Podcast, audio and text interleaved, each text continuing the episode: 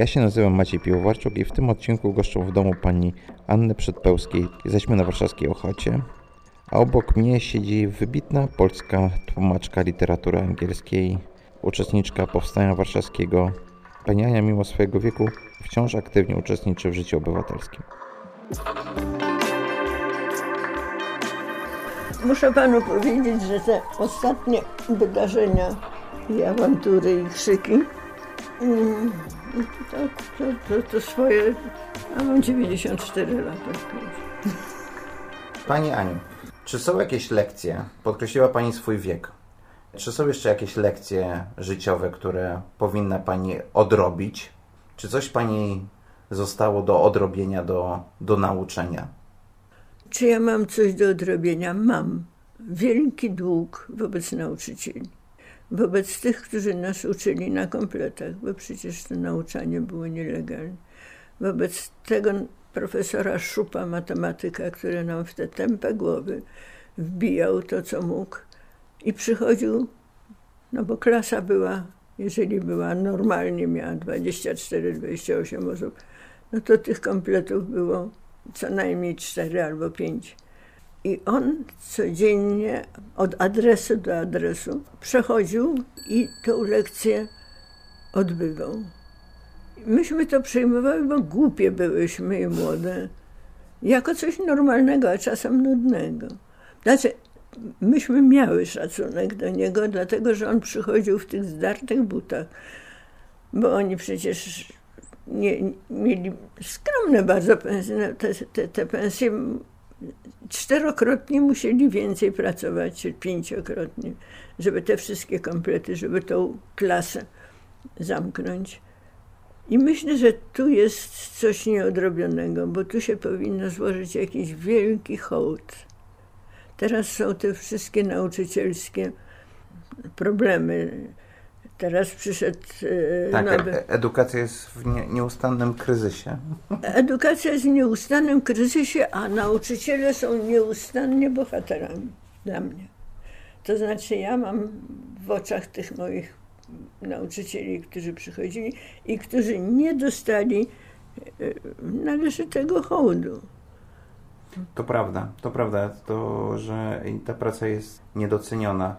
Pani w, na tych tajnych kompletach ma lat kilkanaście. Jest Pani końcówka podstawówki, gimnazjum? Pierwsza licealna. Pierwsza licealna. Pierwsza, pierwsza licealna, drugą już robiłam po powstaniu w Kielcach. Okej. Okay. I okay. maturę. To jak to wyglądało, że były egzaminy w, w tym Ale oczywiście matury były. Matury były w okupacyjnej matury rzeczywistości. Były, matury były. Tajne matury Boże Święty. Ja nie, ja maturę już zdałam po mm, wyjściu Niemców w Kielcach. To znaczy byłam, trzeba wrócić troszeczkę. Było powstanie, prawda, 44 rok. Wyszłam z ludnością cywilną, wynosząc mojego ojca właściwie w stanie nierokującym nadziei, razem z matką. Mój brat zginął 11 września i e, wylądowaliśmy w Kielcach, gdzie ja natychmiast poszłam na komplety. To był ostatni rok, czyli drugi rok liceum, gdzie nie znałam nazwisk tych dziewczynek, no bo to znowu były tajne adresy, to znaczy adres był wiadomo, gdzie trzeba było przyjść, ale nie znałam tych innych koleżanek. I tam, e, no już chyba w maju przyszli Rosjanie, to znaczy wyszli Niemcy i matura była oficjalna, to znaczy wynurzyła się z podziemia mhm. szkoła. Bo to byli ci sami nauczyciele, tylko robili to tajnie. Więc myślę, że tu się należy coś bardzo, bardzo wspaniałego. Powinno się tym ludziom no, zrobić jakieś, nie wiem, Muzeum Nauka, Nauczania, Muzeum Szkolnictwa. No gdzieś te nazwiska, bo ja odejdę lada chwila, a jeszcze ja pewno jestem jedna z ostatnich, które czerpały z tego wszystko, co wiem, wszystko, co całe, cała podstawa. Szacunek do tego, czym jest nauka, e, czym jest wiedza, to dzięki nim przecież. Tą Szkołę przedwojenną często się wstawia jako taki wzór. Prawda? To znaczy, co pań, dla Pani jest takie cenne? Bo też świat się zmienił. To znaczy, już wiedza nie jest w cenie, bo wiedza jest na komputerze, jest w internecie, tak jakby. Ale co, co dla Pani było cenne? Co by Pani z tego okresu międzywojennego czy tajnych kompletów by Pani zapożyczyła i uważa Pani, żeby zdało egzamin w XXI wieku? No, myślę, że pewna wartość, nie wiem, czy jest do przeniesienia. Mianowicie myśmy tym naszym profesorom ufali. Ale ufaliśmy dlatego, że oni ryzykowali życie, żeby nam wsadzić coś do głowy na tych kompletach. W związku z tym e, ceny były zróżnicowane tej wiedzy. I myśmy im bezwzględnie uwali. Ja weszłam do podziemia, do AK przez naszą wychowawczynię, bo ja, mój brat mi odmówił. Wiedziałam, że on robi podchorążówkę, że coś robi, no nie wiedziałam, że to się nazywa podchorążówka, ale on mi odmówił wejścia. Bardzo ważne w tych czasach było, gdzie się znajdzie tą dziurę, żeby wejść do podziemia, bo to było bardzo szczelne. Ze względów oczywistych. Jak najmniej tak, wiedzieć. Tak. W ogóle to była żelazna zasada. Jak najmniej wiedzieć. Jak się będą bili, to powiesz. Więc jak najmniej wiedzieć. I Jędrek mi powiedział nie. Y, I myśmy cały ten komplet, pięć dziewczyn, y, zwróciły się do naszej wychowawczyni i ona nas wprowadziła do e, Wojskowej Służby Kobiet, do, do, do tego, co było podstawą w tej Wojskowej Służbie Kobiet, to znaczy się e, wychowanie, nauka sanitarna, całe przygotowanie, nauka, anatomia, pierwsza pomoc, to wszystko, co było. Co ja wykrzyczałam na tym, na tym flocu zamkowym parę dni temu. Pierwsza rzecz, usztywnić złamaną kończynę. Druga rzecz, zatamować upływ krwi. To były dwie pierwsze zasady. W, dla patrolu sanitarnego, to znaczy ulicznego, Mhm. bo wszystko dalej, no to już y, fachowa, bardziej dokładna, bardziej. Ale to, co, do czego myśmy były przygotowywane, to jest, są nosze, ulica, walka uliczna i pierwsze zatamowanie, najważniejsze sprawy. To mogło bardzo dziwnie brzmieć, ale ja to wywrzeszczałam, bo to było, to była pierwsza pomoc. Więc y, do nauczyciela miało się zaufanie. Bo nauczyciel dzisiaj w szkole, ja nie wiem, mam wnuki, no, moje własne dzieci nie miały zaufania do nauczycieli, bo, bo przecież to był komunizm. Więc wiadomo było, że z nauczycielem historii trzeba było ostrożnie, bo to ktoś. Wiadomo było, że pani od chemii to jest ta, to można jej z panią od chemii. Może. I to takie różne rzeczy. A myśmy w czasie okupacji miały pełne zaufanie do naszych nauczycieli. To byli wspaniali ludzie coś im się należy. Czego na, nauczyli ci nauczyciele poza tą wiedzą? Na co zwracali uwagę? Na przykład mój geograf bardzo dużą uwagę zwracał na to, jak e, robimy notatki. I można powiedzieć, że od geografa w podstawówce nie, oczywiście mam jakąś wiedzę geograficzną, którą mu zawdzięczam, która w momencie, kiedy świat jest w Google, nie jest już tak użyteczna, ale to, co mnie nauczył, to prowadzenia notatek, dzielenia punktów, że jest jedynka rzymska, to otwiera, potem jest jedynka arabska, to jest dopełnienie tej jedynki rzymskiej, potem jest A, B, C, D, E, E, F. Aha, czyli. Porządkowa- porządkowania wiedzy, tak? Wielka I, rzecz. I to jest, to jest rzecz, którą on z nami ćwiczył i to było po prostu od tej, nie pamiętam, czy to była czwarta, czy piąta klasa, kiedy dostaliśmy tą geografię, do tej klasy ósmej. Za każdym razem to było dla niego najważniejsze, żeby to sprawdzić. Być może już przewidywał, że zaraz ta cała wiedza będzie dostępna w chmurze, chociaż nie myślę, bo to były druga połowa lat 80., To jest- więc, więc jeszcze rewolucji komputerowej nie było. I to wyniosłem od geografa, tak? Od, od, innych, od innych nauczycieli też często oni uczyli nas czegoś, czego nie było w podręczniku, aby uważali oni osobiście, że to jest bardzo ważne w życiu. To czego pani się nauczyła od na przykład tego matematyka, albo od innego nauczyciela jakiegoś przedmiotu, co nie było wiedzą, a było jakąś taką praktyczną umiejętnością życiową? Matematyk chyba w moim wypadku poniósł klęskę. Ale, ale bardzo dziwne, bo muszę powiedzieć, że na przykład dla mnie łacina była fascynacją. Wejście w inny świat, w tą inną rytmikę, w tą inną logikę języka, w to inne takie odkrywane, to znaczy piękno, które nie uderza, tak jak, jak fraza muzyczna, czy, czy dzisiaj tylko trzeba odkryć. Trzeba to przełożyć na tą. Ja do dzisiaj pamiętam te widesut alta stet nive candidum, a matematyki nie. Co się potwierdziło trochę potem w życiu zawodowym, prawda? Że poszła, poszła Pani opisywać, odkrywać te inne światy, Oczywiście, które są ukryte tak. w językach, a, a, nie, a, a nie rachunkować na SGP-ie. E, a inne nauki, czyli to można powiedzieć, że to była nauka czegoś. Piękna języka, tak?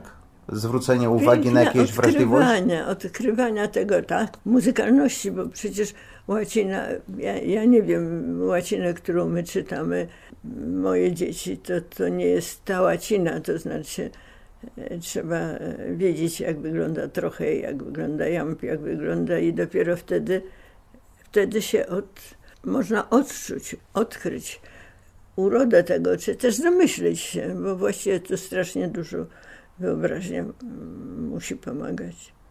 Ale wejścia w inny świat, może też to było ważne, że ten świat otaczający nas był tak strasznie, nie tylko groźny, ale tak strasznie brutalny, tak ciemny, tak, tak groźny. I wejście w, jakieś takie Horacego było e, tak cudownym odlotem. Może nam był potrzebny. Może tak, nie wiem.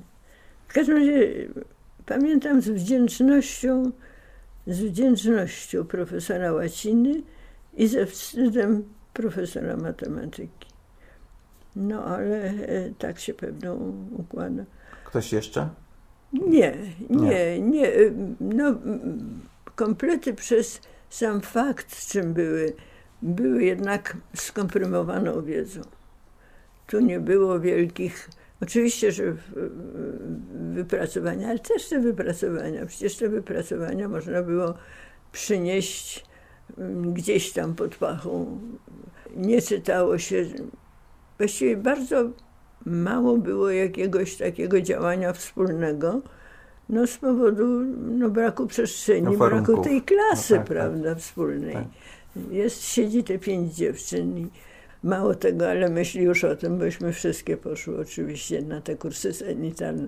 Dużo ważniejsze było, jak się bandażuje głowę, bo też trzeba było zdać. Czyli Było- Horacy i bandaż. E, tak.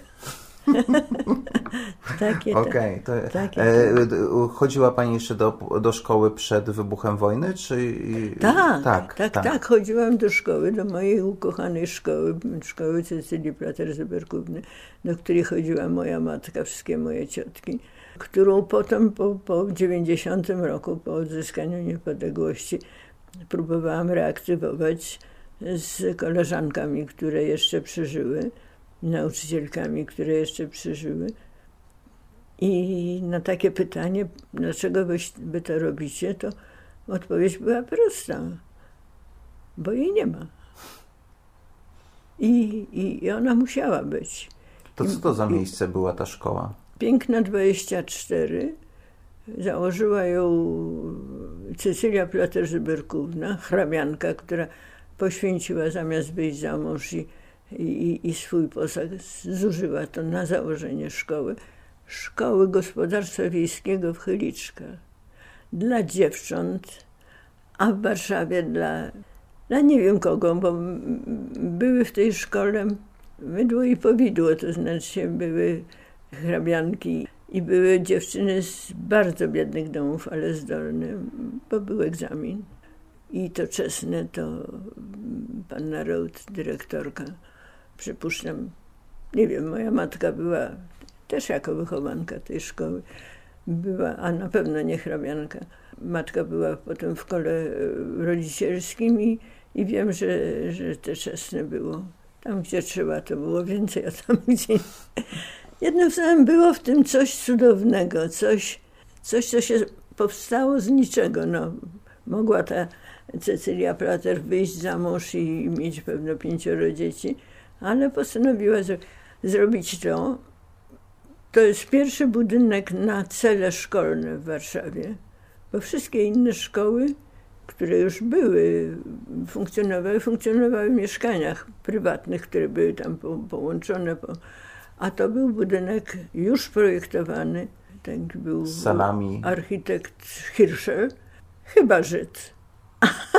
A, to, a tej szkole oczywiście się przy, przytknęło bardzo prawicowy, a nie była, była wspaniale demokratyczna. I by, byłyśmy ogromną wspólnotą. No najlepszy dowód to to, że pierwsza rzecz po 1989 roku to te resztki odtwarzały tą szkołę, bo się nam wydawało, że to, czego nas uczyni, taki czy pan wie, że mm, ponieważ w tej szkole były dziewczyny, no, na ogół mieszczaństwo, trochę tam jakiejś arystokracji, która, która przyjeżdżała, ale to, to, to niewiele, a jeżeli to świetnej, bo, bo, bo musiały się poddać wszystkim regułom. Otóż przynosiło się dwa drugie śniadania do szkoły. Dwa drugie takie same. I jedno się wkładało do takiego kosza. I ten kosz jechał szybciutko na Pragę, do szkoły, w której dzieci nie miały drugiego śniadania. I tego nas uczyli, to znaczy takiej naturalności dzielenia się. Tego, że masz dużo, Pan Bóg ci dał, albo rodzice ci dali, dziel się. Piękna, piękna historia. Tak, jak tego ducha przekazać. Ale też zobaczyłam teraz, bo szkoła funkcjonuje, mm, zobaczyłam wezwanie w- tego, że zbiórka dla, dla e, uchodźców. Jest. Są platerki na miejscu. Zdają egzamin. No mam nadzieję, mam nadzieję, że to tak Pa- będzie. Pani Aniu, poza dzieleniem, co jeszcze Pani wyniosła z tego adresu Piękna 26, z tej szkoły podstawowej? No dobre, ta, ta wiedza, można było tej matematyki nie, nie być na pewno, no ale na te moje trzy, ta moja truja coś oznaczała, no jakąś wiedzę podstawową. W każdym razie rzetelność. Rzetelność. Rzetelność. No nie było takie na, na byle co. I ta rzetelność, może jeszcze to, że ta rzetelność w czasie okupacji polegała również na czymś bardzo wielkim, to znaczy zaufaniu. My bardzo rzadko miałyśmy sprawdziany, bo sprawdzian był trudny, bo to trzeba by było wynieść kilkanaście egzemplarzy. Wie pan, jak to jest? Przecież to były prywatne mieszkania. Z tego prywatnego mieszkania wychodziło się na klatkę schodową do bramy. W bramie był dozorca. Czy ten dozorca jest donosiciel, czy nie jest donosiciel? Jeżeli przez cały tydzień przychodzą panienki o 8 rano pod jeden adres, to to zwraca uwagę. Także co dwa tygodnie zmieniało się adres. Więc rzetelność, zaufanie, Dzielenie się. tak, Te trzy wartości. tak, dobra, Chyba wystarczy, prawda? dobre, dobre, dobre. Możemy się dłużej zatrzymać na tym pojęciu zaufania, bo to jest tak, że ma się do kogoś zaufanie od samego początku, czy to jest tak, że to jest zaufanie to jest wynik pewnej relacji? Chciałbym to do końca zrozumieć. Czy to wynikało jakby z hierarchii i, i poszanowania dla hierarchii, czy poszanowania dla pewnej grupy zawodowej, czy jednak to było tworzone przez jakąś relację? Czy mama pani powiedziała, trzeba ufać nauczycielom e, i nie dyskutuj, tak? Tylko nie, nie. Jak, jak, skąd, skąd to zaufanie się brało? Bo, bo to jest w ogóle taka rzecz, którą jak mówimy o społeczeństwie obywatelskim, to to, co niszczy Polskę współczesną i to pokazują wszystkie badania, to jest brak zaufania. To znaczy być może nawet też całe ograniczanie działek, stawianie płotów i tak dalej, i tak dalej właśnie wynika z tego, że sobie wewnętrznie nie ufamy. To zaangażowanie obywatelskie, działanie w trzecim sektorze, działalność społeczna jest nic się nie zmieniło przez 30 lat, tak? Jakby te, te, te wskaźniki nie poszły w górę. No i właśnie się zastanawiam, skąd ono się brało, bo to pani podkreśla bardzo, bardzo to, to, to wybrzmiewa, to, to pojęcie zaufania, więc z czego to wynika? Dlaczego sobie ufamy? To jest trudne pytanie, bo myślę skąd ono się brało. Chyba to nie jed- niejednorodne. To znaczy na pewno wiedziałam, że ja do tej szkoły idę, bo w tej szkole była moja matka, a ta moja matka jest taka, a nie inna. I tej mojej matce mogę ufać y, do końca świata. I mama na pewno przekazywała mi to, pracując w tej szkole, właśnie w tym kole matek, pracując społecznie, bo one ciągle tą szkołę, coś się tam dodawało, to się jakieś garki kupiło, tu jakieś coś do kuchni, tu jakieś.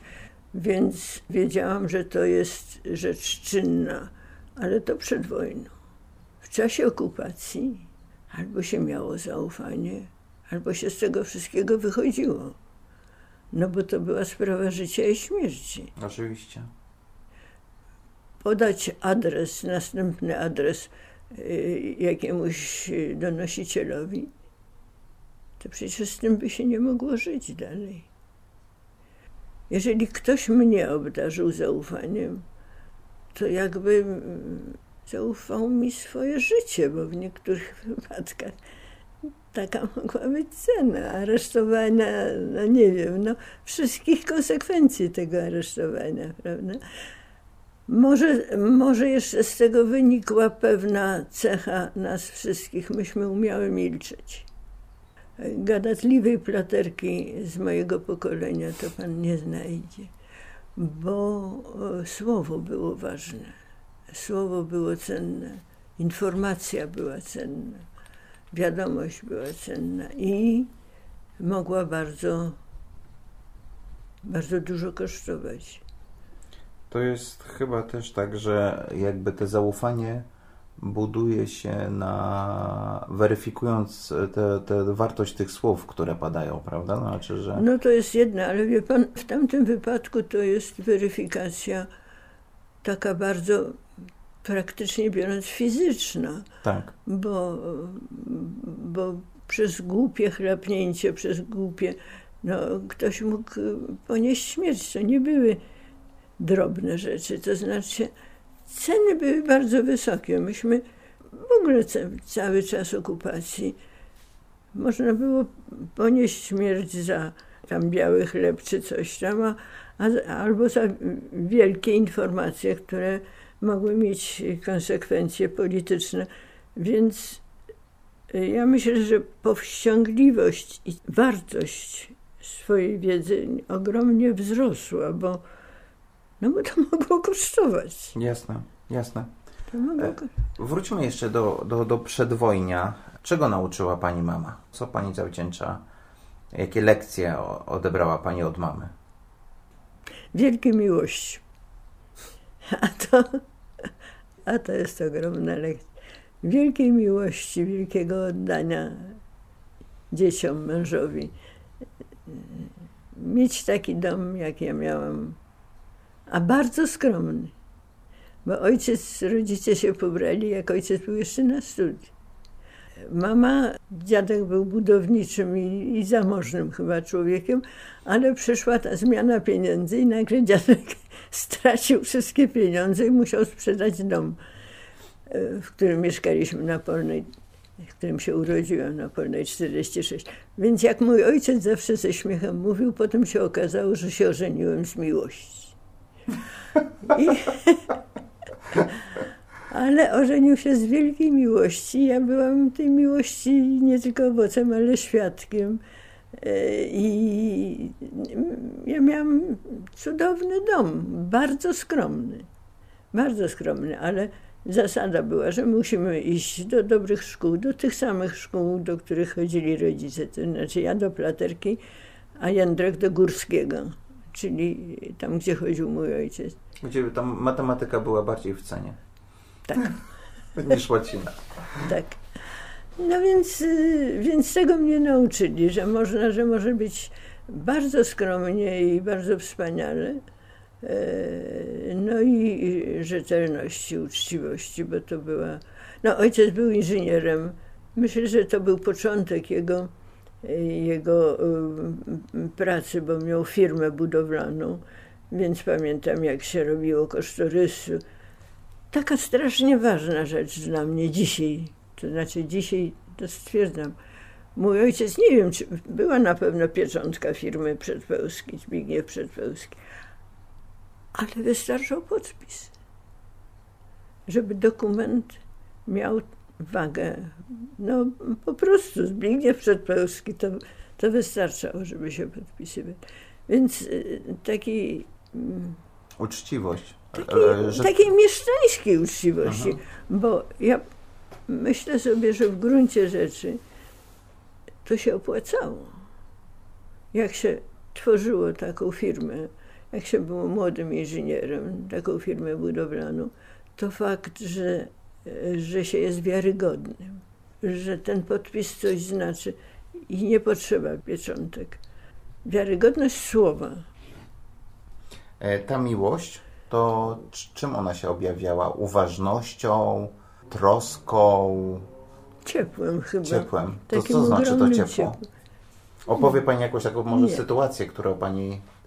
No właśnie po tym finansowym krachu mój ojciec, e, rodzice w ogóle przenieśli się poza Warszawę. Nie stać ich było na mieszkanie w Warszawie. I myśmy się z Jędrkiem wychowywali u dziadków. Dziadkowie mieli ogromny w- w podwarszawskiej miejscowości Płudy, ogromny dom, w którym zbudowali mieszkanie dla każdej ze swoich córek i dla swoich dwóch synów. Więc było pięć mieszkań. Myśmy mieli malusieńkie mieszkanie trzypokojowe na górze. I to były najszczęśliwsze lata mojego życia. Jeszcze, jeszcze nie chodziłam do szkoły. I też coś takiego, co mnie zadziwia do dzisiaj. Nie było pieniędzy, nie było już mieszkania w Warszawie, ale była wychowawczyni. Była w tych trzech pokoikach wychowawczyni i była służąca. Więc był jakiś taki rozkład społeczny. Ja myślę, że ta wychowawczyni to musiała bardziej z miłości do nas niż z, z tych pieniędzy, bo na pewno były bardzo małe. Ale ona mnie pilnowała tego, żeby jak się stawia nogi, na przykład do dzisiaj jako staruszka. Mam kłopoty z chodzeniem, ale pamiętam ciągle to z palców, z palców stawiaj stopę. To dziewczynka musi chodzić z palców, nie z pięty. Z pięty się nie chodzi, z palców. No więc może to wygląda na zupełnie obłąkaną historię, ale taka była. No potem firma zaczęła się rozstrzygać i przenieśliśmy się do Warszawy. No i właśnie ta była Mokotowska 49 gdzie już było bardzo blisko do szkoły, bo to była na Piękno 24 tuż za rogiem. A, dziad... Bardzo szczęśliwe życie. A dziadkowie? Czego uczą dziadkowie? Bo dziadkowie to dają dużo czułości, prawda? I rozpieszczają. Nie, Najczęściej- dziadkowie nas nie rozpieszczali, bo dziadkowie byli dosyć surowi. Dziadek był budowniczym kościołów. Podobno nabudował ich kilkadziesiąt i to jak pan wzdłuż Wisły, te kościoły to jest taki y, nadwiślański gotyk. Zresztą bardzo ładny. Dziadek był właśnie romantyk z tym, z tym, z tym swoim gotykiem i ja go pamiętam, jak podlewał zawsze kwiaty wieczorem z konewką i mówił, wnusiu, kwiaty muszą pić. Więc taki mi pozostał. Taka lekcja A babcia była, była konkretna, była Nowakowska z domu, właśnie siostra księdza Marcelego Nowakowskiego, była konkretna. Mówiła, to trzeba zrobić, to trzeba zrobić, to trzeba upiec, to trzeba ugotować. No i wychowali te dzieci, pięcioro dzieci, Córki wszystkie poszły na wyższe studia. Więc to jest też czas, a przecież to są, to jest początek wieku. Malarka, pianistka i śpiewaczka. Moja matka śpiewała, była w klasie śpiewu w, konserwatorium. I dwaj synowie, inżynier i architekt. Inżynier Tadeusz, ten ukochany brat matki, zginął w Katyniu. Oczywiście wszyscy, wszyscy w 20 roku w służbie ojczyzny. Pani pierwsza lekcja życia. Co by Pani tak sięgając pamięcią, to co było takie doświadczenie, którego coś Pani wyniosła, co towarzyszyło Pani przez resztę życia? Strasznie trudne pytanie. Nie, nie odpowiem na nią. To nie, nie, Po głowie dostawałam często, bo byłam, jak to się mówi, nieznośna, źle wychowana. To znaczy źle wychowana nie, bo robili wszystko, żebym była dobrze Po wychowana. prostu była Pani nieznośna. Ale byłam nieznośna. Tak. Byłam nieznośna. Żadna Hania, tylko Hanka. I w ogóle utrapienie. A Jędrek był dobry, był wspaniały. Był bardzo ładny, był, był, był tą dumą rodziny. Znaczy oni mnie kochali strasznie, ale Jędrek to była duma, a ja byłam utrapienie. O, tak by powiedzieć. Co, co Pani robiła? Co robiłam? Wszystko, co niedobre. Nie chciałam dygać. Dygać? Co znaczy dygać? Nie wie pan, co to jest dygnąć? Na dzień dobry. A, powstać. Dygnąć trzeba. Prawą nogę u, ugiąć troszkę. A, okej. I dygnąć. Okej, okej. Dygnąć nie chciałam. Bardzo niedobra była. Mieli ze mną kłopot, ale byli strasznie kochani. To, Ale w pupę dostawałam. to dużo lekcji miała Pani takich życia, jako mała dziewczynka niegrzeczna. No, bo byłam krnąbna. Wie pan, co to jest kr? Tak. Tak. No to, a Jędrek był dobry. A Jędrek był dobry, był świetnym uczniem, świetnie się uczył. Był, a potem, jak się okazało, bardzo dobrym strzelcem. Podchorąży Wrona, 11 września w lewą skroń. Wie pan, że była taka książka, Białe Róże, albo Pęki Białych. Nie znajdę tej książki. O, Musimy o, to o zdjąć. 20 roku. O 20 roku. O, Rodzeństwo. o rodzeństwo. I on Rodzeństwo. ginie na koniec. I on ginie. Tak. Można by to powtórzyć. Bo to był ten To mój czytaliście jako... To uwielbiany, i- uwielbiany jed- brat. Tak, jedna z e, takich bardziej czytanych w ówczesnej szkole Tak. przedwojennej pozycji. Czyta, czytaliśmy to z Jędrkiem. I pamiętam, że ostatnie zdanie było kula ugodziła go w sam środek czoła. Jędrka kula ugodziła w lewą skroń. Właściwie historia podobna. No i, i takie to życie. Mama żyła długo, bo ojciec wrócił do zdrowia w, w Kielcach, prawda? Wrócił i stworzył tą firmę Granit, która była bardzo. Też jest kawałek historii, bo to jest odbudowa Warszawy. E, Tutaj w tych wspomnieniach mojej matki powtarza się Bociek. Bociek to jest Bogdan Pniewski, przyszły A, tak. Więc przyjaciel ojca i, i, i, w ogóle ta, ta grupa. Więc potem po, po, po, po 45 roku ojciec wchodzi w, obud- w odbudowę Warszawy. I jest tych parę właśnie Brama Grodzka. Właśnie Brama Grodzka, którą oni tam odklejają, sklejają z powrotem. I taka rzecz, z której jestem zawsze dumna, jak idę do łazienek. Pałacyk łazienkowski, pałacyk to znaczy kolumny. mhm. Dwie kolumny są prawdziwe, a reszta to jest dzieło mojego ojca. Ojej, Nie odróżni pan. ojej. E, więc to jest ta, ta firma Granit, bo, bo ojciec specjalizował się w kamieniu budowlanym. Napisał książkę zresztą. I właśnie z Bogdanem, z Bogdanem Pniewskim tutaj w 40, od 45 roku już, już działał. A czy poza szkołą, rodzicami, to co jeszcze Panią kształtowało? Konspiracja. No, konspiracja, tak, konspiracja. To jest doświadczenie całego pokolenia, prawda? Tak, tak, tak. No właśnie to Też mam takie poczucie, że może to jest mój obowiązek. W szpitalu Dziesiątka Jezus wchodzi się, w, główne wejście jest prawda, od placu Sterenkiewicza, ale od Nowogrodzkiej jest wejście do pierwszego głównego gmachu, który jest gmachem, tam jest chirurgia na pierwszym piętrze chyba, interna na drugim. Otóż przez cały czas w szpitalu istniała cała siatka konspiracyjna. I z chirurgii taki był profesor, potem się dowiedziałam, że się nazywał Rutkiewicz, bo powiedział mi to jego zięć Rudowski. Więc profesor Rutkiewicz e, organizował chirurgię. On zorganizował właśnie tą przychodnię, która się nazywała, już nie pamiętam jakoś. I tam było całe szkolenie sanitarne. I tam myśmy zostały skierowane właśnie nasze, nasza grupa. I tam byłyśmy bardzo rzetelnie, to nie było byle co. Więc ja miałam właściwie dwie tajne szkoły. Bo to była i anatomia, i, i potem egzamin z tego.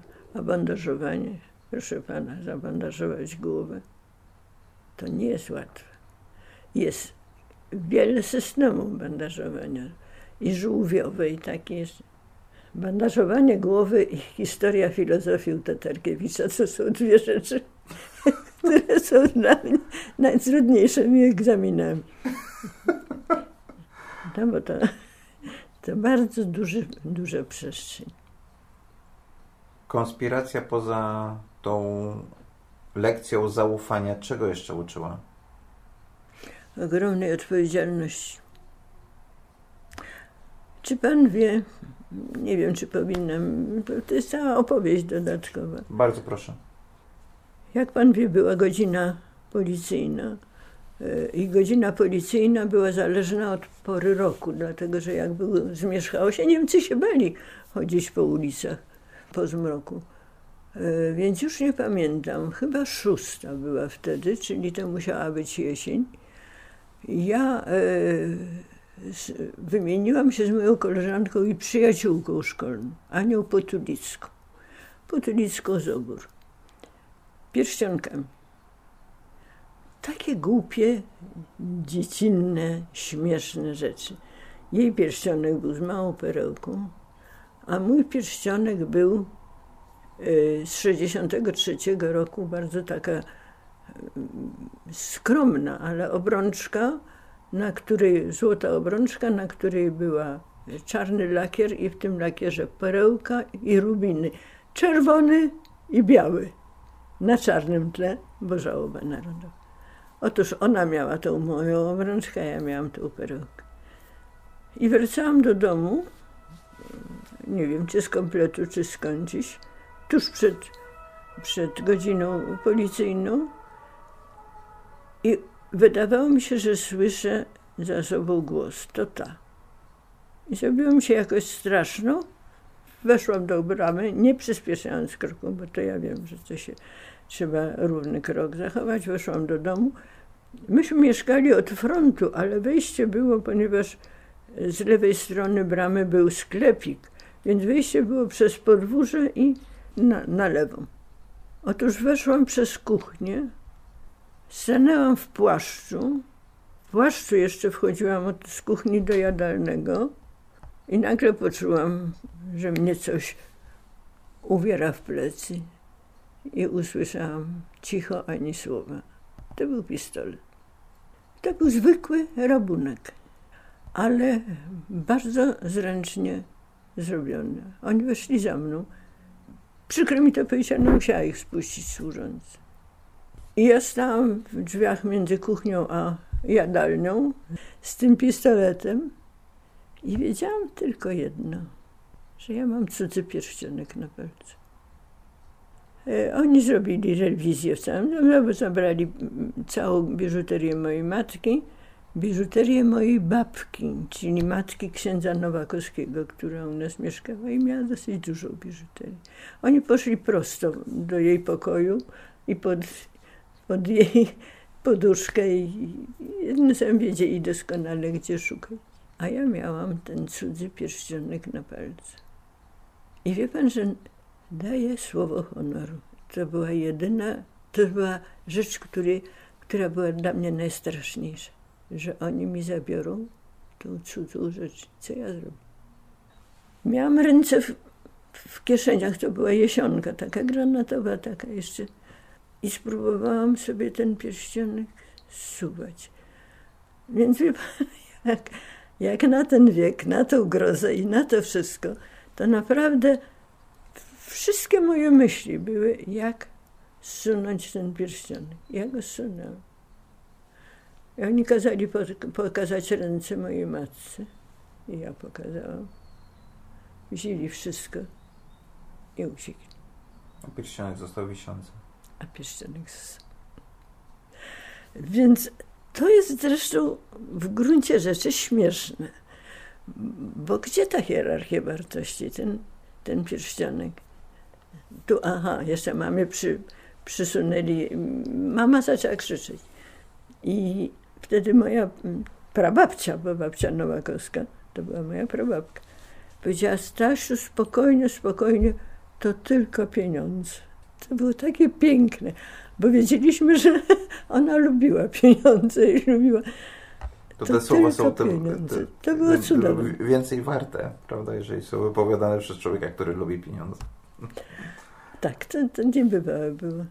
Czyli Więc o... te dwie rzeczy, a babcia mówiąca to tylko pieniądze, ja z tym ściągam, to też jest jakiś symbol tego wszystkiego razem, bo, bo co ja bym zrobiła? No, to znaczy oczywiście wiadomo by było, że Anka by mi oddała tam ten pierścionek, który notabene gdzieś leży w moim biurku, gdzieś go wsadziłam, nie wiem gdzie jest.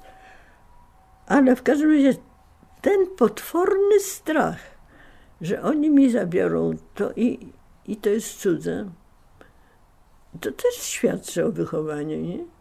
Ja, ja nie wiem właściwie o czym to świadczy, o głupocie przede wszystkim, no, bo, bo to nie, nie te wartości, to po prostu nie te wartości. Ale to, to, też opisuje po prostu tą odpowiedzialność za to, że koleżanka pani to tylko był wybryk, ale jednak ona pani zaufała, tak? Że to tak, wróci, tak, że to wróci tak, do mnie. Daję ci to tak, na twój tak, palec, tak. bo wiem, że to do mnie wróci. Mhm. I była pani zakładnikiem jakiejś obietnicy. Jakieś umowy Nie wiem, w każdym razie nie, nie potrafię tego ani zracjonalizować, ani to. Natomiast yy, i nie, nawet nie potrafię powiedzieć, czy to było głupie, czy to było mądre, czy to było szlachetne, czy nieszlachetne. Było. I tego strachu, tego potwornego strachu, no ja potem przeżyłam powstanie, więc wiem, czym jest strach. Ale ten strach, jak ja ten ściągałam, ten pierścionek w kieszeni, to, to ja go do dzisiaj pamiętam. Smak tego strachu. Więc jesteśmy dziwne stworzenia, ludzie. To prawda, to prawda. E, I, i, I, jeżeli dotykamy tematu powstania, to nie wiem, czy mi wypada, e, dlatego od razu to zaznaczę, że nie wiem, czy mi wypada, ale ja bardzo cenię e, anglosasów i wydaje mi się, że, że historycy w naszym kręgu zbyt rzadko zadają pytanie, o to, czego nas uczy historia, a anglosasi ciągle stawiają pytanie, co mnie jakieś wydarzenie, prawda, zdarzenie nau nauczyło. I czego nauczyło Panią prywatnie? Bo wiem, że przeżyła Pani tragedię, bo straciła Pani brata i to, to mocno wybrzmiewa. Jaka, czego to była lekcja? Strasznie trudne pytanie, jak można opisać. Poza traumą na pewno jest to, jak jaką wartością jest zaufanie do drugiego człowieka. Czyli ponownie, Jaką, o, ponownie się to tak, pojawia. Jak, jak się idzie w zespole, to znaczy jak się jest tym patronem, to trzeba bardzo ufać drugiemu człowiekowi, że nie szmyrgnie do bramy, bo ja nie udźwignę tych, albo że ja nie szmyrgnę do ściany do bramy i nie zostawię jej z tym ciężarem bo ranny strasznie dużo waży. Nie wiem, czy to jest gdzieś obliczone i stwierdzone i tego. Natomiast jeżeli pan jako człowiek zdrowy i tego położy się na noszach, to ja we dwie osoby bez trudu pana podniosę. Natomiast jak pan będzie nieprzytomny, bezwładny, to ten bezwład jest potwornie ciężki. To są inne, ja nie wiem jak to się oblicza, ale to jest zupełnie inna waga. I człowiek bezwładny y, to jest potworny ciężar. I to y, myśmy były cztery. Wystarczyło dwie oczywiście, żeby przenieść y, człowieka na nosze. Jeszcze na dodatek te nasze nosze to były po prostu dwa kije i płótno, grube takie zielone płótno. Więc to było wszystko strasznie prymitywne. Ale trzeba było ufać tej drugiej osobie. A, a, człowiek jest płochliwy, powiedziałabym. To znaczy się, no nie ma co, no strach to jest strach. Ja, bohaterstwo jest, jest chyba wyzbyciem się czegoś zupełnie naturalnego, bo ja, ja się bałam, ja się bardzo bałam. No, ale, zaufanie pomaga. tak, tak, tak, tak. Wtedy zaufanie pomaga. To Rozumiem. znaczy jest wielka rzecz, że, że nie ma takiego, chociaż ja się strasznie bałam i, i żadne bohaterstwo, nic, w żadnym wypadku. Ale nie mam poczucia, że gdzieś zawiodłam. To znaczy, że, że odpuściłam. Chociaż bałam się śmiertelnie i lepiej nie powtarzajmy tego. Lepiej. Mm, Lepiej nie powtarzajmy, chociaż, chociaż myślę, że są momenty takie, gdzie no, po prostu nie ma innego wyjścia. No. Na czym polega praca tłumacza? Bo mam okazję rozmawiać z najwybitniejszą tłumaczką w tej, Dobrą. w tej chwili. Przyzwoitą. Przyzwoitą, uczciwą, rzetelną. O. To Ale, co, o, co, o co chodzi w tej pracy? O, gdyby ktoś nie czytał literatury, jakby pani wytłumaczyła, czym pani się zajmuje? strasznie, strasznie zależy od tekstu, który pan tłumaczy. Przetłumaczenie źle myśli, bo, bo w końcu tłumaczymy myśli wyrażone w jakiejś określonej formie i tą samą myśl w formie odpowiedniej polskiej musimy, musimy przekazać. Bo jak ona, jak, jak bohaterka mówi I love you, to, to jest dosyć proste. Ale jak e, dzieje się coś tam w niej, i to wszystko jest związane z rzeczywistością, z epoką, z otoczeniem f- f- fizycznym, formalnym. To ten szczegół musi jeszcze wybrzmieć tak, jakby to czytał czytelnik oryginału. Ale ja panu powiem, teraz mam problem. Zna pan modlitwę Szarych Szeregów? Chcemy żeby tę modlitwę przetłumaczyć na trzy języki i żeby to było w niemieckim, rosyjskim i angielskim na e, bramie cmentarza, po- powstaniowego cmentarza. Niech pan przetłumaczy to. Bo to jest modlitwa, czyli charakter suplikacji pewnej. To jest Wielka deklaracja etyczna. Uchroń nas Boże od nienawiści. I to jest polska rytmizacja. Niech pan to zrobi. Siedzą w tej chwili. To jest strasznie trudno. Więc, y, więc ja mówię, to jest, y, zwłaszcza w, takim tłumaczeniu, to jest jeszcze odpowiedzialność, bo, bo ten młody chłopiec, który to napisał, prawda, zginął tam gdzieś na Miodowej, na Starówce. E, Ale to wspaniałe właśnie uchroń nas Boże od nienawiści. Ja myślałam, że najłatwiej to będzie na rosyjski, wie pan, bo tak, bo oni mają tą, ja już nie mówię o śpiewności, o rytmizacji, o tym, ale to chyba byłoby dla nich bliskie i najtrudniej mi jest znaleźć tłumacza na rosyjski. Jednak. Na niemiecki jest, na angielski siedzi i tłumaczy i strasznie się męczy. Osoba, która jest córką ostatniego naszego dyrektora Wolnej Europy. Więc ja myślę, że tak, że tłumaczenia takie, gdzie chodzi o przekazanie konkretnej informacji, teoretycznie powinno być najprostsze.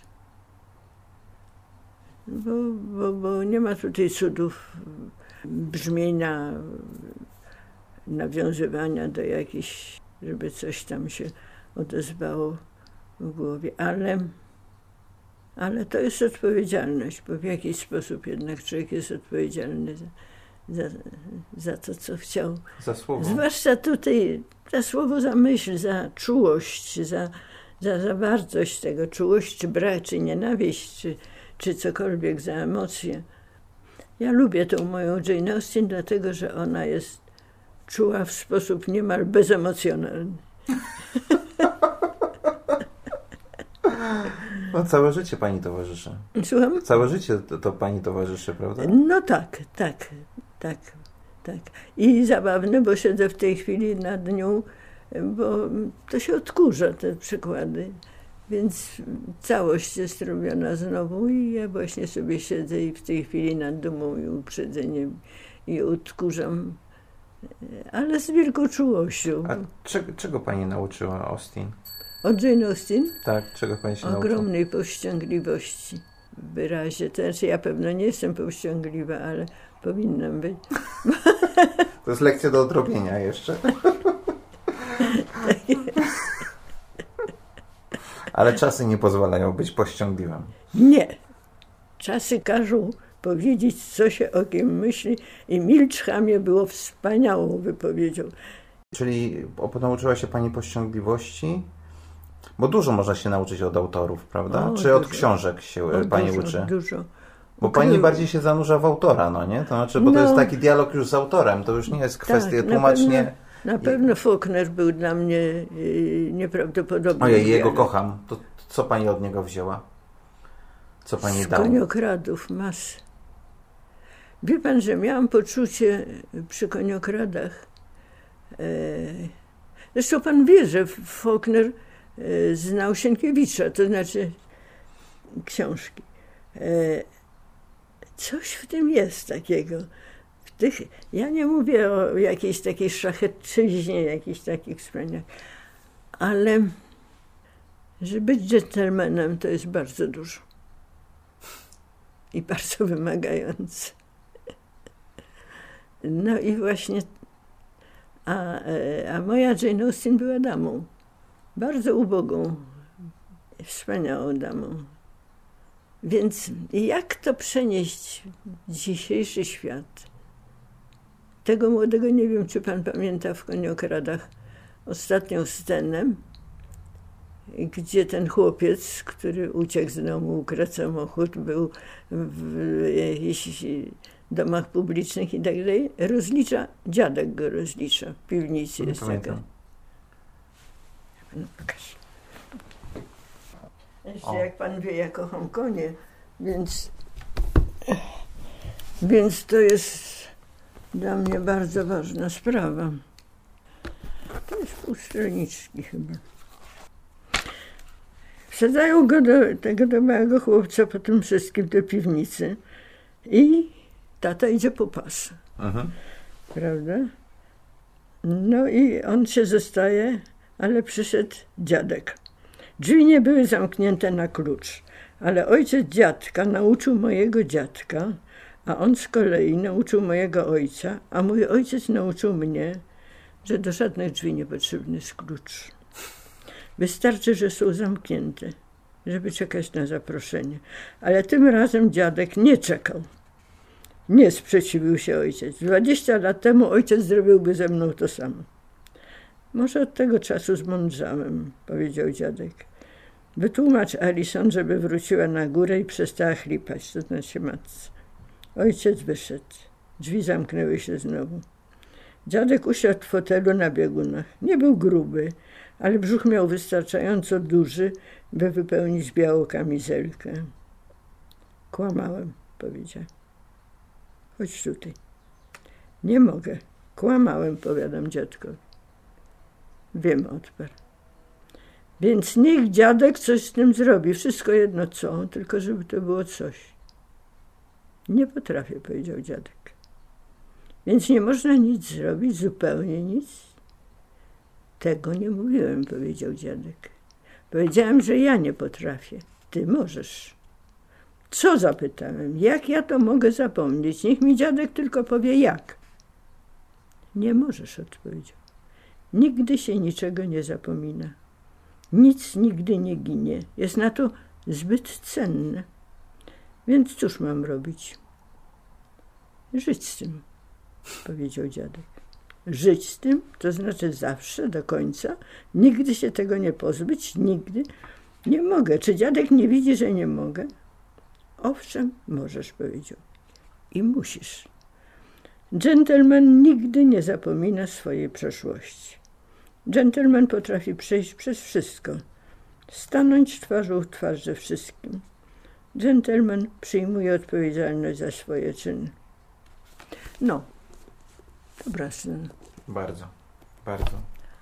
Gentleman. No więc właśnie. E, I dama. I dama. Bo poprzednią rozmowę miałem z Pawłem Goźlińskim, szefem wydawnictwa Agory i zapytałem go, po co on czyta książki. I on powiedział mi, że dzięki książkom on staje się głupszy. I to go napędza do tego, żeby sięgnąć po kolejne. E, no i to jest taka pętla. A pani dlaczego zaczęła czytać? Dlaczego pani oddała swoje życie literaturze? Nie wiem. Naprawdę? Naprawdę nie wiem. E, tak się stało, no. Tak się stało. Proszę pana, wyszłam za mąż. Troje dzieci, jedno po drugim. Mało pieniędzy, a jednocześnie trochę ambicji. Czytelnik, w którym nagle się znalazłam wśród ludzi szalenie ciekawych i bardzo trudnych sytuacji. Mówimy o wydawnictwie, tak? Czy ten tak, nie, tak, tak, tak, tak, tak. Tuż po powstaniu UB wezwania ucieczka. To nie jest bohaterskie wyjście z sytuacji. Ucieka Pani w to Ucieczka do, do książki. No i, i Boże, jakie cudowne. Jakie cudowne. Jakie cudowne. No jaki ten cudowny Faulkner, jaka ta cudowna Jane Austen. Ja w gruncie rzeczy przecież ja nic swojego nie napisałam, a e, tylko tą książkę o, o. Mnie fascynowały te kobiety XIX wieku. E, bo te siostry Bronte, o których napisałam, to jest przecież e, niebywała rzecz. George Eliot i Jane Austen. Czyli decyzja o zawodzie to była trochę podjęta przez przypadek? Przez okoliczności? Przez pani... okoliczności. Przez okoliczności. Przez okoliczności. No jak coś robisz, to rób dobrze. Mówił mój przyjaciel Władysław Bartoszewski. A kim pani chciała być? Lekarzem? Tak. Każda, każda dziewczyna, każdy, kto wyszedł z powstania, chciał być lekarzem. Bo to jest najważniejsza rzecz, jaką można zrobić. No ale ja przy mojej znajomości chemii, matematyki, fizyki, matematyki i tego wszystkiego razem. Nie chciała Pani odpowiadać na pytanie o pierwsze lekcje życia, a najwa, naj, naj, najtrudniejsza lekcja życia albo naj, najważniejsza lekcja życia. Ale Pan stawia pytania. Te, które należy pamiętać i żadnych Więc ja ten, ta, ten, ten pierścionek naprawdę? jest naprawdę dla mnie doświadczeniem, więc ja się ciągle pytam dlaczego. Dla, dlaczego e, to było takie dla mnie ważne, bo w, w jakiś sposób myśmy wtedy stracili wszystko, to znaczy oni zabrali nie wszystko, wszystko pieniądze, ale właśnie mamy biżuterię jakoś, no i tej babci, no. Przecież e, ojciec nie, nie, nie pracował. Wszystko to razem było. Czyli e, napad rabunkowy i, i, i, tak, i, ale i, napad, i ta kwestia nie. tego zaufania kole, koleżanki. To tak? więc ja, ja, nie wiem, czy zaufanie, bo ja nie mam pojęcia, jakie to było uczucie, bo ja tego nie potrafię okazać. W każdym razie jedyna rzecz, rzecz, której się najbardziej bałam, to jest to, że znajdą ten pierścionek. No i niech pan z tego zrobi kotlet. Gdzieś w wywiadzie pani powiedziała, że bardzo ważne w życiu jest bycie wielkodusznym. E, skąd pani to zaczerpnęła? Trochę to było w tych kanapkach i śniadaniu, które przynosiłyście do szkoły, tak, tak myślę. ale to nie było w gruncie rzeczy, to nie była do wielkoduszność, to było poczucie obowiązku dzielenia się. Jak masz, jak masz więcej, to masz obowiązek dzielenia się. Ale nie wiem, z czego mi ta wielkoduszność wyszła. Ale ona się chyba w życiu jakoś, nie wiem, okropne słowo, ale które mi się ciśnie, opłaca. Na zasadzie dobra karma. ja jestem bardzo starym człowiekiem i ja wiem, że bardzo często dostaję coś, czy to jest słowo, czy to jest, czego ja w ogóle nie pamiętam, a co wynikało z, z po prostu z tych normalnych y, odruchów, tego, co, co trzeba było zrobić, co się uważało za ja bym strasznie nie, nie, bała się tutaj takiej jakiejś szlachetności, takiego nadymania się. Masz to się, masz to się musisz dzielić. Stąd był ten mój wielki krzyk w sprawie uchodźców przed kilku laty. Pamięta pan, jak te dzieci syryjskie? Tak. I przecież to była zbrodnia, to co, co, co, co ta nasza władza zrobiła, bo ja w kilka dni później miałam przyjemność spotkania się z księdzem biskupem e, Warszawy. Była to jakaś, jakaś kolacja i ja podnosząc pierwszą łyżkę zupy do ust powiedziałam, proszę księdza, a jak w sprawie uciekinierów? No i wszystkim zawisły te łyżki przy ustach, bo rzecz była wtedy głośna. A ja uważałam, że Kościół nic nie zrobił. No i dosyć nietaktowne to było przy tej pierwszej zupy. A biskup powiedział, proszę pani, myśmy się zwrócili do władzy. Myśmy mieli decyzję, że w każdej parafii jedna rodzina uchodźców. Sześć tysięcy ludzi mieliśmy przyjąć. Mieliśmy sześć tysięcy miejsc. Władza odmówiła. No, ale tego w prasie nie było, nie było głośno, nie było o tym, więc wydawało mi się, że to jest, że to jest nas, tak strasznie upokarzające dla nas, dla, dla narodu, dla społeczeństwa, że tych sześciu tysięcy ludzi nie mogliśmy. I teraz patrzy się z radością na to, co się dzieje tam. Myśmy dojrzeli przez te parę lat jako społeczeństwo. Naprawdę myśmy dojrzeli. No nie wiem, dumna jestem z tego społeczeństwa. Dumna jestem z tego. Lekcje obywatelskości, bycia obywatelem gdzie pani pobiera, pobrała? Lub jakieś to może było. Kiedy pani poczuła, że jest pani obywatelem, albo czy. Bo no nie, wydaje mi się, że teraz trochę tego brakuje. W Okropnie brakuje. A, a pani doświadczenie stawania się obywatelem? Co kształtuje obywatela? Co panią ukształtowało? Jako obywatela? No, życie. Proszę pana, w 1956 roku Pan tego nie pamięta. Na pewno nie. Ale była, proszę pana, coś takiego jak Węgry. Jak Węgry, jak ten cały najazd. I tam była, Węgrzy się wtedy bardzo ostro postawili. I ja, ja mam odruch, to jest prawdopodobnie właśnie od tych podwójnych śniadań, że natychmiast trzeba im pomóc. Nie wiem jak. Dosyć proste to było moje myślenie, bo miałam troje dzieci. Tak, Gomułka u nas, czyli już y, pierwsza wolność. Odwilż. Odwilż. Jesienne odwilż. I proszę pana, wymyśliłam, że my będziemy przyjmować dzieci tych pobitych Węgrów, czy tam aresztowanych, czy zamkniętych na wakacje. No i proszę pana, zaczęły się telefony. Nie wiem, jak to poszło, ale to w Polsce tak idzie. Na przystankach tramwajowych znajdował pan mój telefon, moje nazwisko. Organizujemy, organizujemy wakacje dla dzieci węgierskich. Dzieci węgierskie to było coś, co mi wyrzucał mój mąż do końca życia, że ja mam pomysły, z których potem nic nie wychodzi. No ale to był pomysł. To był pomysł, bo się zrobiło głośno. Do tego stopnia głośno, że w, przyszła do mnie radio, bo telewizji chyba jeszcze nie było. W każdym razie przez radio się nadawało to, że te dzieci węgierskie jeszcze nie są zorganizowane, bo ludzie chcieli wiedzieć, co z tymi dziećmi. No więc te dzieci węgierskie to był, to był początek, ale to jest odruch.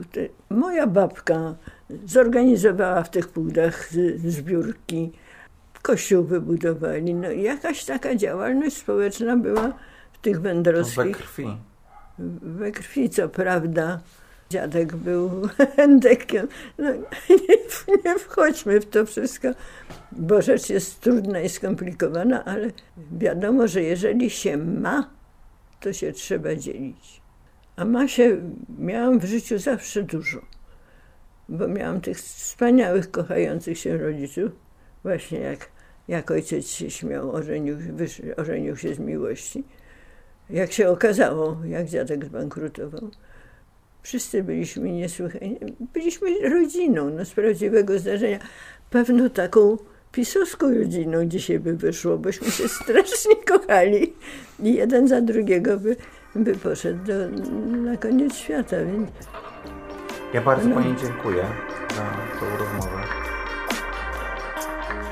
Wysłuchali Państwo rozmowy w ramach Szkoły Życia, podcastu realizowanego przez Fundację na Rzecz Wielkiej Historii. Serdecznie zapraszam po więcej na szkołażycia.org.pl. Zachęcam do subskrypcji i recenzowania podcastu Szkoła Życia na Spotify oraz Apple Podcast. Czekam na Państwa opinie i komentarze. Jestem również bardzo ciekaw Państwa historii ze Szkoły Życia. Piszcie na adres maciejmałpowielkiehistorie.pl